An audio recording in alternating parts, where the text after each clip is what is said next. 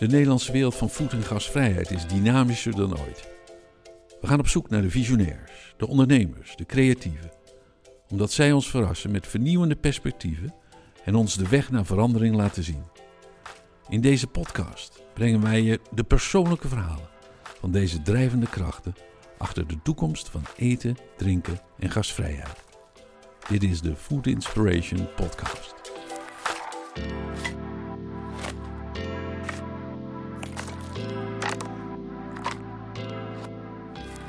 Welkom bij de Food Inspiration Podcast. Mijn naam is Joost Scholten en, wij rijden vandaag het terrein op bij Ria Joosten in Limburgse Neer. Uh, enorme parkeerplaats waar normaal gesproken alle auto's geparkeerd staan om uh, nou, de volle bedrijvigheid van dit bedrijf recht te doen. Nu is het uitgestorven. Nou, dat is voor ons wel lekker, want we kunnen gewoon mooi parkeren. Um, veel bijgebouwen, mooie oude boerderijen, midden in de natuur gelegen. Dit is normaal gesproken het hoofdkwartier van waaruit ze haar party catering doet, een event catering voor heel Limburg en omstreken. Uh, daarbij maakt ze veel gebruik van uh, regionale leveranciers, echt diepe wortels in de streek. Maar het is dit jaar natuurlijk allemaal wat anders. En vandaag willen we haar graag spreken over hoe zij onderneemt tijdens dit rare jaar en hoe zij deze coronacrisis eigenlijk doorstaat. Door nieuwe initiatieven te ontplooien en met prachtige ideeën haar energie toch kwijt te kunnen.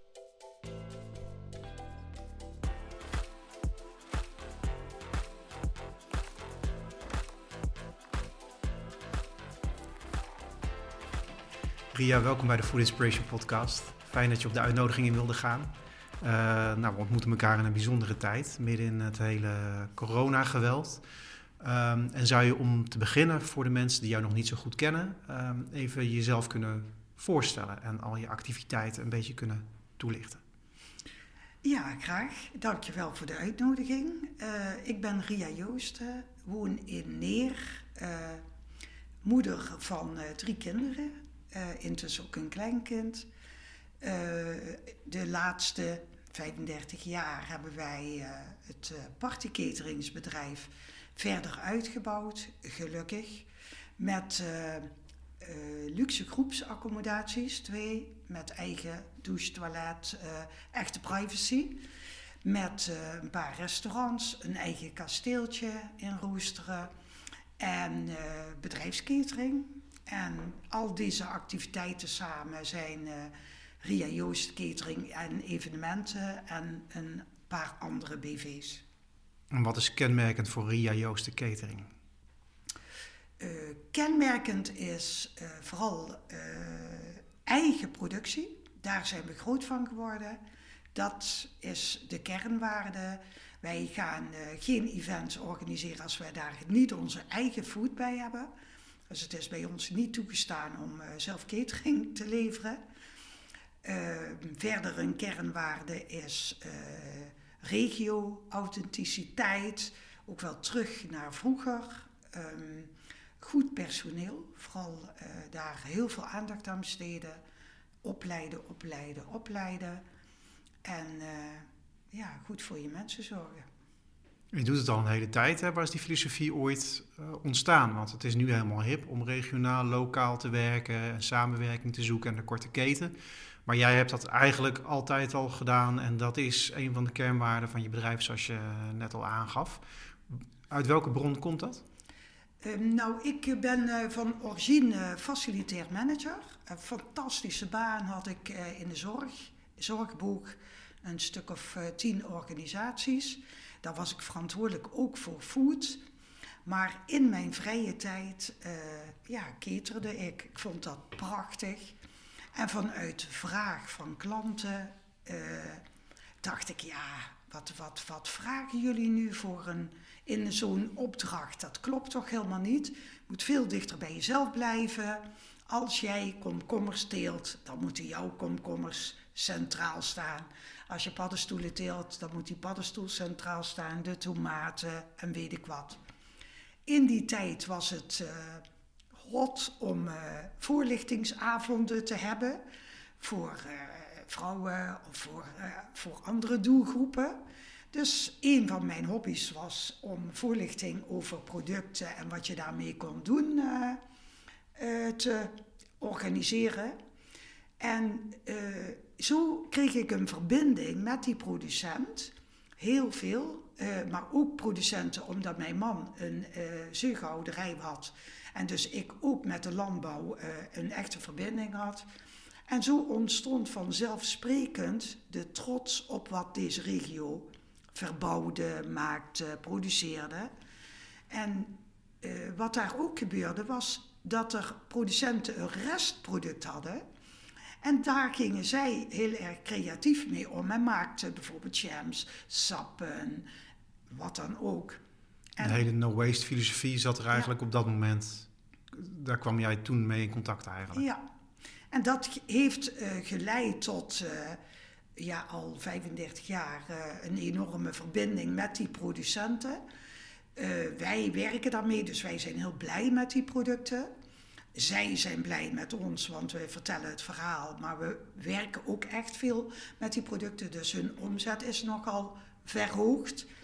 En samen ga je ook ontwikkelen. Er komen vragen, iemand heeft een proefproduct wij helpen weer. En ja, dat is eigenlijk wederkerig. Er is een Amerikaanse chef, Dan Barber, een bekende chef. En die uh, uitte juist zijn zorgen nu rond de coronacrisis. Die zei van ja, ik heb ook zo'n korte keten en ik heb speciale leveranciers. En die hebben een bedrijf voor een belangrijk deel op mij ingericht. Die zijn voor een omzet van mij afhankelijk. En toen kwam corona, moest mijn restaurant sluiten. En toen hadden zij ook opeens niks meer. Toen stort het helemaal in. Heb jij ook zulke soort dingen ervaren? Um, eigenlijk aan de ene kant wel, maar uh, binnen ondernemerschap zoek je naar uh, wegen. Die hele corona heeft bij ons in ieder geval geleid tot ja, wel drie, vier nieuwe initiatieven. Omdat dat wat we bedachten weer achterhaald was door weer nieuwe maatregelen. Maar een van de zaken die we ontwikkeld hebben is vers. En dat is allemaal lokale producten daarmee produceren. En dat wat ik nooit verwacht had, hebben we ook gedaan. We hebben samen met iemand anders een winkel geopend. Gewoon een winkel voor de consumenten om rechtstreeks met. Dus je bent opeens business to consumer retail gaan doen eigenlijk. Ja. 1 november hebben we dat opgestart. We hebben ook een hele grote productielijn opgestart. Want er waren meer mensen die graag gebruik wilden maken van onze producten. We hebben het voor elkaar om acht weken houdbaarheid te hebben met alle wildgevogelte en vleesproducten. We wekken weer, zoals vroeger. Past ook allemaal wel in onze filosofie. En uh, ja, dat gaat echt wel over nu al duizend liter soep, bijvoorbeeld. Dat is toch wel indrukwekkend. Maar dat is, dat dan nu ook de nou ja, zegen van de coronacrisis? Dat je heel erg uitgedaagd wordt om het maximaal uit je businessmodel te halen? Ja, ik weet zeker dat ik dit nooit gedaan had als we geen uh, corona hadden. Dan eh, had ik steeds gedacht, ik moet mijn core business, party catering, dat wat we heel goed kunnen en willen, vooral centraal laten staan. En daar passen onze restaurants heel goed bij, omdat we ook heel veel party catering in die restaurants of op die locaties uh, verzorgen. Dus dat is altijd crossover. Maar ja, dit, dit gebeuren noopt ons om opnieuw te denken. En uh, ja, ik moet eerlijk zeggen dat het ook wat oplevert. Uh, een enorme precisie waarmee men nu moet werken. Wat weer een stuk een omslag geeft. Uh, weer opnieuw kijken. De creativiteit wordt echt gelukkig aangewakkerd. Men, iedere week is er wel weer een nieuwe soep die gemaakt wordt, wordt uitgeprobeerd en gaat de productie in en wordt verkocht. De processtappen die daarbij horen worden allemaal gevolgd, eh, want daar uh, zit nogal wat werk in. Uh, voedingswaarde, declaratie, etikettering, alle normen. Het is echt een heel ander trucje dan de catering business. Ja, ja. dus we leren er erg veel van. Ja, interessant. En wat is dat dan? Wat maakt dat uh, jij daar op zo'n snelle manier zo creatief naar kunt kijken? Want je bent eigenlijk gewoon cateraar en opeens ga je, kan je zo schakelen, kun je iets anders doen. Wat is nou de eigenschap van jou waardoor je dat lukt? Um, ik denk dat ik een drijfveer heb om in ieder geval uh, deze goede organisatie die er is te laten bestaan. Wij hebben absoluut uh, bestaansrecht. Maar als ik dit niet goed manage, dan uh, zou dat wel eens zeer groot in het gevaar kunnen komen. Dat wil ik niet. Dus mijn drijfveer daarin is, denk ik, overleven. Uh, verder hebben wij hele goede medewerkers. Nou, ik besef, en dat besef ik al 30 jaar, dat die medewerker het belangrijkste spel is in je organisatie. Als ik die verlies nu, dan verlies ik mijn kracht in de toekomst. Uh, daarlangs ben uh, ja, redelijk creatief, kan in vijf minuten iets bedenken en ook nog eens realistisch. En ik heb geluk, wij hebben kinderen die een aantal dezelfde eigenschappen hebben. Dus die helpen. mijn zoon kwam en zegt: Mam, ik heb vast gekeken, ik heb al drie opties genomen op een winkel. En op dat moment dacht ik: Ik, een winkel? Dat is toch wel ver van huis, dat is ver van mijn kern.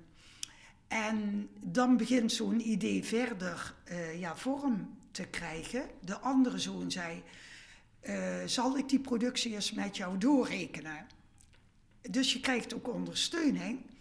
Nou, en wij hadden echt vanaf het moment huren tot live zijn, hebben we 14 dagen over gedaan. Dus het hele concept, de productie, voorbereiding, de kassa, personeelsbezetting, inrichting, uh, marketing, alles. 14 dagen precies. Dus dat is ook razendsnel kunnen rekenen en schakelen. Ja. Heel belangrijk. Um, en je zegt net van het staat zo ver van mijn kern af. Uh, terwijl je zou zeggen van ja, het is food en het is met mensen omgaan. Maar wat, wat, uh, welk deel van je kern vond je dan dat daar verlaten werd? Mijn kern is echt, ja, toch wel mensen samenbrengen. Of als men samen is, op een leuke, mooie, verrassende manier laten ervaren dat alles goed gefaciliteerd is. En dat zij genieten. Dat, ja, ik, ik heb in corona absoluut helder gekregen dat dat ook echt mijn kern is. Dus dat mis je nu? Ik mis dat enorm, ja. Uh, er, was een, er was hier een opening van een windmolen. Waar hier staan allemaal windmolens. Ze zitten echt in een uh, gebied wat ze mee uh, in, in, de transitie van energie heeft ontwikkeld. En men ging daar naartoe dacht, oh wat heerlijk, ze hebben een eventje. En dat gaat dan om niks. Dus, ja. Maar gewoon weer even samen kunnen komen, weer even verbinden, weer even ja. mensen in de ogen kunnen kijken. Ja, en vooral al die processen van wat partycatering is, dat die weer uh, live zijn. Ja, en dat, is dan, dat kan eigenlijk alleen maar tijdens zo'n evenement, want Zoom-meetings en dat soort dingen, dat is op geen enkele manier een vervanging. Ja, ik zelf vind van niet. Ik vind, uh, mijn kern is ook aan tafel gebeurt het. Daar is denk ik ook partycatering bij mij uit ontstaan. In ons gezin vroeger wij hadden zes kinderen thuis en vader en moeder natuurlijk. Mijn moeder kookte fantastisch. En als wij gegeten hadden, altijd drie gangen, zaten wij zeker nog een uur. Daar werd de dag besproken, daar werd alles gedeeld. En ja, dat is voor mij nog steeds zo. Aan tafel gebeurt het. Dus ik denk dat daar ook partycatering mee te maken heeft. Dus die aandacht voor eten en voor elkaar, dat komt heel erg van huis uit. En het ondernemerschap, wat er zo ontzettend nadrukkelijk in zit, heb je dat ook van huis uit meegekregen? Nee, helemaal niet. Uh, in, uh, uh, in, ons gezin is niemand zelfstandig. Mijn vader niet, moeder niet. Iedereen heeft een gewone baan, heeft zich op zijn eigen manier ontwikkeld. En men, ik denk zelfs dat men niet begreep ja, welke stappen ik zette. En is dat dan wel gesteund of was dat dan lastig om uit te leggen? Ik denk dat we het daar zelfs uh, tien jaar niet over hadden. Men keek en dacht, voor wat gebeurt daar? En uh, mijn man is een echte ondernemer die in de eerste jaren mij leerde om de sappen groot te zetten. Uh, ik was dat niet gewend. Ik ben echt gewoon huistuin, keuken opgegroeid.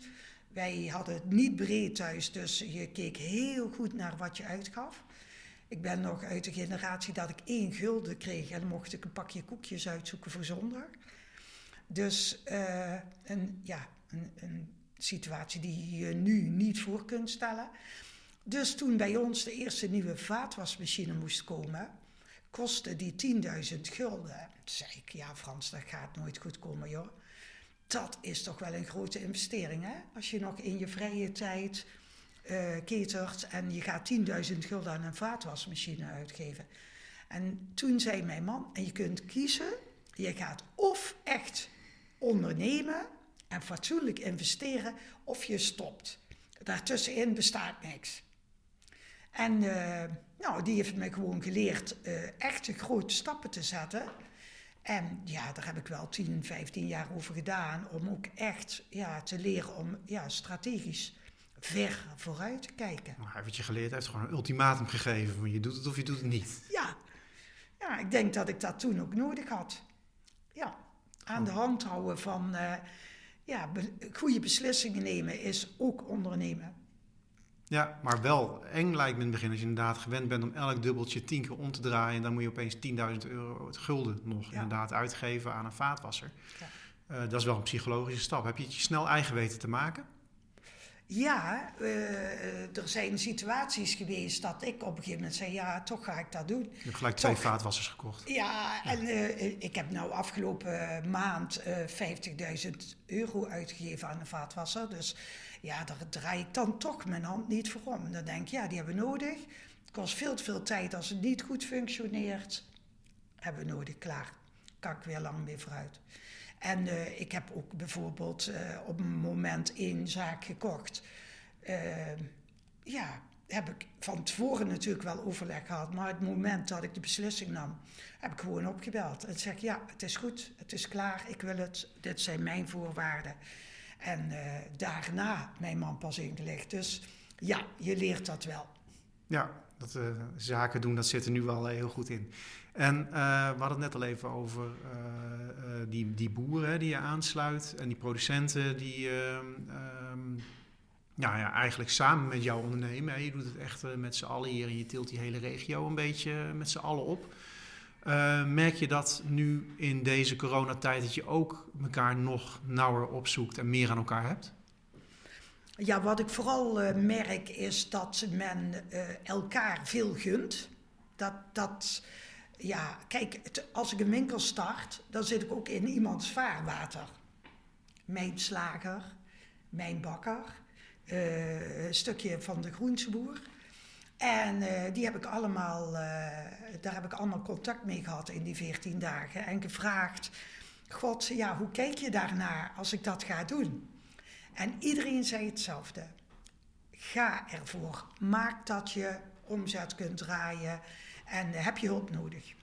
Ja, dat is natuurlijk heel mooi. Maar ook wel omdat jij het zo zorgvuldig aanpakt van jongens, ik weet, uh, ik, ik, wil jullie niet kwaad doen. Ja. Uh, hebben we ruimte voor elkaar? Ja. Wat vinden jullie van? En wat hadden, als ze hadden gezegd van, nou, dat vind ik heel vervelend, Ria, begin hier niet aan? dan had ik gevraagd, waar zou je wel mee kunnen leven? Dan had ik gevraagd, wat zouden alternatieven zijn? En ik ben dus inderdaad ook wel uh, uh, stukjes uit hun vlak gebleven. Je kunt ook goed kijken dat je wel zorgvuldig daarin kijkt. Hè? Ik maak bijvoorbeeld uh, heel veel andere soepen als de slager. En soms komt de slager bij mij boodschappen doen en neemt er wordt ook kokersoep mee. Snap je? Dus je kunt, ja, je kunt ook ja, elkaar wel steunen nog een beetje creatief te zijn. Is dat misschien ook een beetje eh, ook een kern van je ondernemerschap? Dat je wel je ruimte inneemt. Hè? Je bent niet bescheiden. Je hebt hier een schitterend bedrijf neergezet. Het is hier, nou ja, ik moet er bijna met de auto een rondje omheen gaan rijden voordat ik mijn parkeerplaats gevonden heb. Het is echt indrukwekkend. Je neemt wel je ruimte in. En dat doe je heel bewust en goed. Maar niet uh, de ruimte innemen ten koste van anderen. Nee, dat probeer ik in ieder geval. Vind ik erg belangrijk. Um, respect voor ieders onderneming, ieder mens, individu, buren, uh, is gewoon, ja, gewoon superbelangrijk. Dat, dat zit gewoon in mijn hart. Dus uh, uh, ja, daarin goed kijken. En verder ja, heb ik wel de filosofie, blijf maar met twee benen op de grond. Want dan hoef je ook nooit te landen. Dus, nou, kernwaarde eigenlijk. Ja. Ik vind het heel slecht om op prijs gaan te concurreren. Het heeft nooit bij ons gehoord. Dat is waarschijnlijk ook de reden dat we hier rustig zitten. Omdat ik mijn spaargeld heb. Want uh, deze corona kost echt wel een paar ton. Een paar is nog zacht uitgedrukt. Maar als je op prijs concurreert, dan ga je dat nooit redden. Dus ik denk dat waarde en waarde uh, toevoegingen gewoon ook betaald moeten worden. Ja, en wat is waarde voor jou? Nou, in een event uh, dat, uh, dat prijs-kwaliteit verhouding klopt. Dat dat wat je belooft, dat je dat minimaal waar maakt, maar liever meer. Dat men de dag na het event zegt, nou ik heb de nacht ervoor heel goed geslapen, maar de nacht erna nog veel beter. En dat het een herinnering is voor jaren. En de uh, huidige crisis, is dat dan ook iets waar je dan stiekem wel een klein beetje van kunt genieten, hoe hard het ook is? Dat het wel iets is wat je weer eventjes helemaal op je tenen laat lopen, je het uiterste uh, uit jezelf dwingt te halen? Nee, genieten doe ik daar niet van. Uh, ik heb eerder zoiets van, nou, zo'n zwaar jaar heb ik nog nooit gehad. Om iedere keer weer jezelf uh, uit te dagen van uh, de volgende uitdaging. Hoe ga ik daarmee om? Hoe zet ik dat om in kansen? Dat is hier best goed gelukt, eerlijk gezegd. Maar dat vraagt veel kracht. Heel veel kracht. En dat betekent ook dat je minder ruimte hebt om uh, te kijken van ja, dat lukt allemaal goed. Maar vooral alleen maar alert bent, maak ik de goede keuzes? kijk ik goed uh, klopt het wat, wat mijn gevoel zegt en kloppen de cijfers? Nee, ik vind het een uh, hard jaar. Ja, nou, ik kan me dat heel goed voorstellen. En ik kan me ook voorstellen dat je je heel erg zorgen maakt. Jij bent iemand die zich super verantwoordelijk voelt voor zijn medewerkers ook. De mensen die je in dienst hebt, de huishoudens die van jou afhankelijk zijn. Ik kan me voorstellen dat het echt best wel als een zware last op jouw schouders drukt. Heb je er ook wakker van gelegen van, gaat het wel lukken om al die mensen te geven wat jij ze wil geven? Ja, daar uh, heb ik echt wakker van gelegen. Ik heb gelukkig een heel goed team. Zelfs vanmorgen hebben we bij elkaar gezeten om uh, steeds weer samen heel goed te overleggen. En mijn doel is uh, vooral heel veel goede mensen houden. dus ik heb dat wat de meesten gedaan hebben niet gedaan. Ik heb geen afscheid genomen. Ik heb van twee mensen afscheid genomen. Dat is niks. Nee, dat is. Want hoeveel mensen werken er voor jou hier? Ik denk totaal 70, 80. Weet je hoe dankbaar iedereen is dat hij werkt? In deze tijd, zeker, ja. Aan de slag, ja. Ja, en gewoon ook toch weer bij elkaar komen en nut hebben en iets bijdragen. Ja, echt. Betekenisvol leven is een van de kernwaardes die nog belangrijker worden. Dat zie je ook bij mensen die uh, met pensioen gaan, nog best jong, hebben heel veel energie nog. En zoeken naar een goede invulling om betekenisvol te kunnen leven. Een betekenisvol leven, wat betekent dat? Uh, waarde toevoegen op een ander, ergens anders. Iets kunnen toevoegen waarin jouw uh, inzet, waar, waar je talent dan ook ligt. Of het koken, zorgen, uh, besturen, het maakt niks uit. Uh, dat, dat waar je goed in bent en waar je blij van wordt, dat toevoegen. De levens van anderen eigenlijk iets beter de maken. De levens van anderen, ja. Ik denk dat dat corona ook uh, duidelijk maakt. Dat het in het leven vooral heel erg veel om de ander draait ook. Ja, zeker. En jij bent ook uh, maatschappelijk uh, ben jij heel erg betrokken. Probeer je actief te zijn. Ook daar zoek je de verbinding. Zijn dat dingen die je wel uh, hebt kunnen blijven doen? Of heb je daar misschien meer aandacht aan kunnen besteden? Of op een andere manier aandacht aan kunnen besteden? Ja, maatschappelijk is het gewoon ook heel erg fijn hè, om betrokken te zijn. Ook om andere onderwerpen te hebben als je eigen bedrijf. Ehm, sommige zaken, ja, daar heb ik wel een warm hart voor. Het Ronald McDonald Huis bijvoorbeeld. Als je daar één keer geweest bent eh, op bezoek. En doordat wij daar één keer per jaar koken voor eh, de dan aanwezige gasten. En waar je ook aan tafel uitgenodigd wordt, dan hoor je de verhalen. Nou, dan uh, word je helemaal stil dat dat bestaat. Hè? Dat, dat zijn is... ouders van zieke kinderen die daar ja. verblijven? Ja, zeker. En langdurig verblijven. Dan, dat kan door uh, aangeboren afwijkingen, door uh, medische missers, door uh, allerlei oorzaken. En de diepgaande, ja, toch ellende die daar dan is. Als je daar iets voor kunt betekenen voor die mensen, dan ja, dat is, vond ik vanzelfsprekend. Dus er is een Ronald McDonald Breakfast Club. Dus een ontbijtsessie zijn dat, 20 per jaar. Daar heb ik een aantal jaren al mijn bijdrage aan geleverd en ben ik onlangs voorzitter van geworden. En daar probeer ik mijn leiderschap, vooral uh, ja, misschien wel to the point, doelen stellen, structuur aanbrengen. Dat probeer ik toe te passen. En uh, ja, dat is gewoon uh, ja, heel erg fijn als dat gewaardeerd wordt en dat ook opgepakt wordt. En dat daar gedeeld leiderschap ook weer een plek krijgt. En je hebt ook gekookt voor hospice, begreep ik? Ja, dat klopt. Mijn man was zeugouder, heeft uh, in 2003 die hele tak beëindigd. Ook doordat hij lichamelijk, fysiek uh, ja, heel erg reuma heeft, dus dat niet meer kon. En had altijd de ambitie een hospice te bouwen. Vrijwillig, niet voor eigen geld, maar vooral om mensen waardig een laatste plek te kunnen geven. En het bijzondere daarbij was dat hij wilde dat de partner of kind of dochter, zoon, vriend, vriendin ook zou moeten kunnen blijven slapen. Zij heeft een oude school met een uh, groep vrijwilligers omgebouwd tot acht appartementen, waarin twee slaapkamers, twee badkamers, zitkamer, alles aanwezig is. Met de visie vooral zorg dat je daar uh, waardig afscheid kunt nemen van het leven. Een belangrijk onderdeel.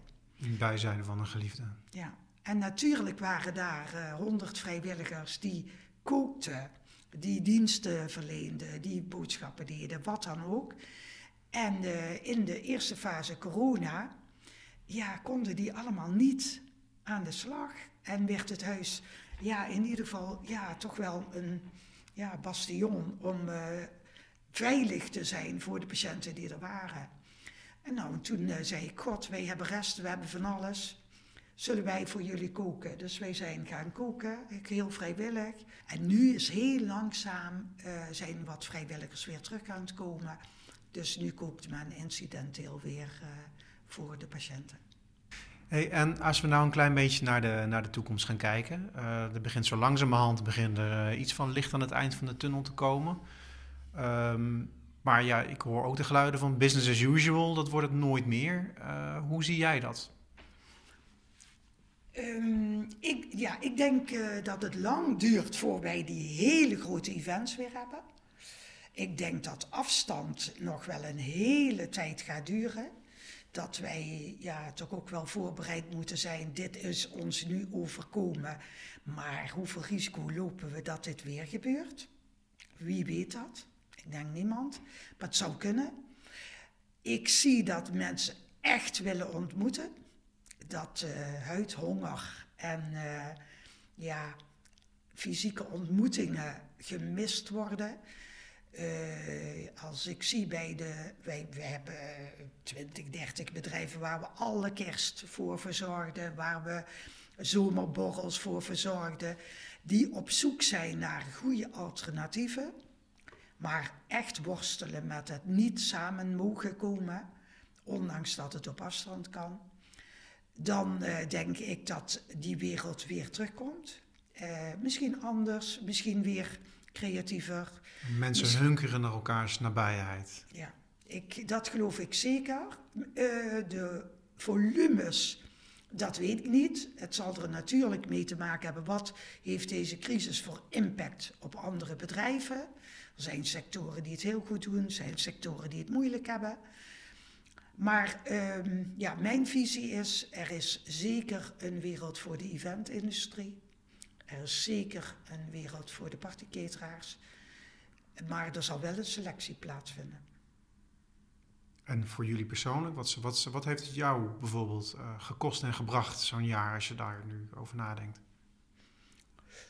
Um, het heeft in ieder geval een stuk uh, cocooning gegeven van nadenken, nadenken, nadenken en steeds toetsen.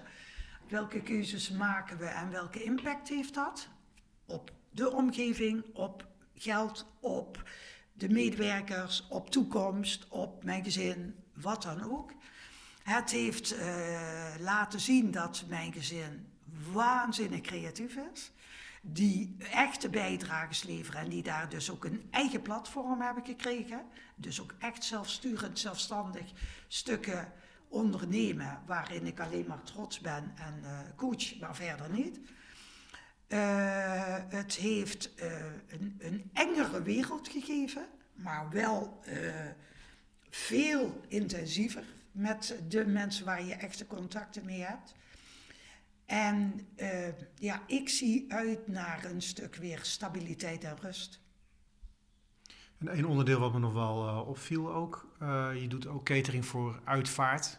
Ja. Uh, dat is natuurlijk nu wel een hele lastige constructie geweest ook. Ik kan me voorstellen dat je daar ook extra veel eenzaamheid en verdriet hebt gezien. en dat het dan ook lastig is om daar dan je meerwaarde te bieden op de manier zoals je dat vroeger deed. Nou, dit is echt um, je moet je voorstellen, wij hebben onze stretch, onze gebouwd, 200 vierkante meter. Een absolute mooie plek ook om afscheid te vieren, of hoe je dat ook noemt. En wij hadden de laatste maanden mensen die uh, in de fase van hun eigen afscheid zaten en op bezoek kwamen om zelf de plek te bekijken van wil ik hier mijn afscheid. Die dan ook daadwerkelijk hun wensen kenbaar maakten. En op een gegeven moment ging de telefoon en zei men, het is zover. Mij, ja, mevrouw is overleden. En uh, zaterdag is het afscheid.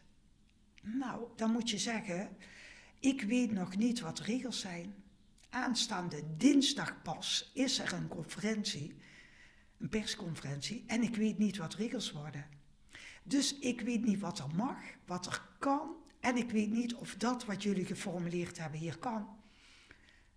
Dat is wel heel intens, want die mevrouw heb je dus ook zelf ontmoet. Want die heeft zelf bij jou gekeken en je wil zelf waarschijnlijk nog extra graag, wil je haar leven recht doen. Ja, en uh, die dinsdag eh, was het, uh, de persconferentie en woensdagsmorgens was, stond alles op papier. En daar stond in op de plek waar het afscheid gehouden wordt, tot maximaal 100 personen mag ook, ja, ik zeg maar even platte koffietafel gehouden worden.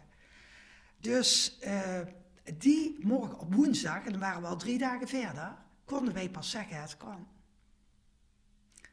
Zij hadden al zelf uh, de gemeente gebeld dat ze wilden dat er niet gehandhaafd werd als het toch gebeurde. Zo ver waren zij.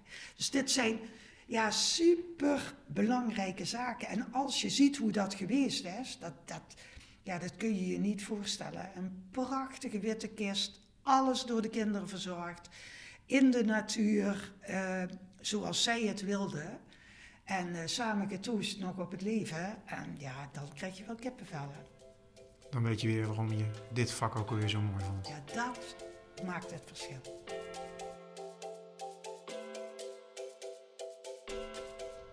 Leuk dat je luisterde naar de Food Inspiration podcast. Geïnspireerd? Laat dan van je horen via info at foodinspiration.nl en download de andere afleveringen via je favoriete platform.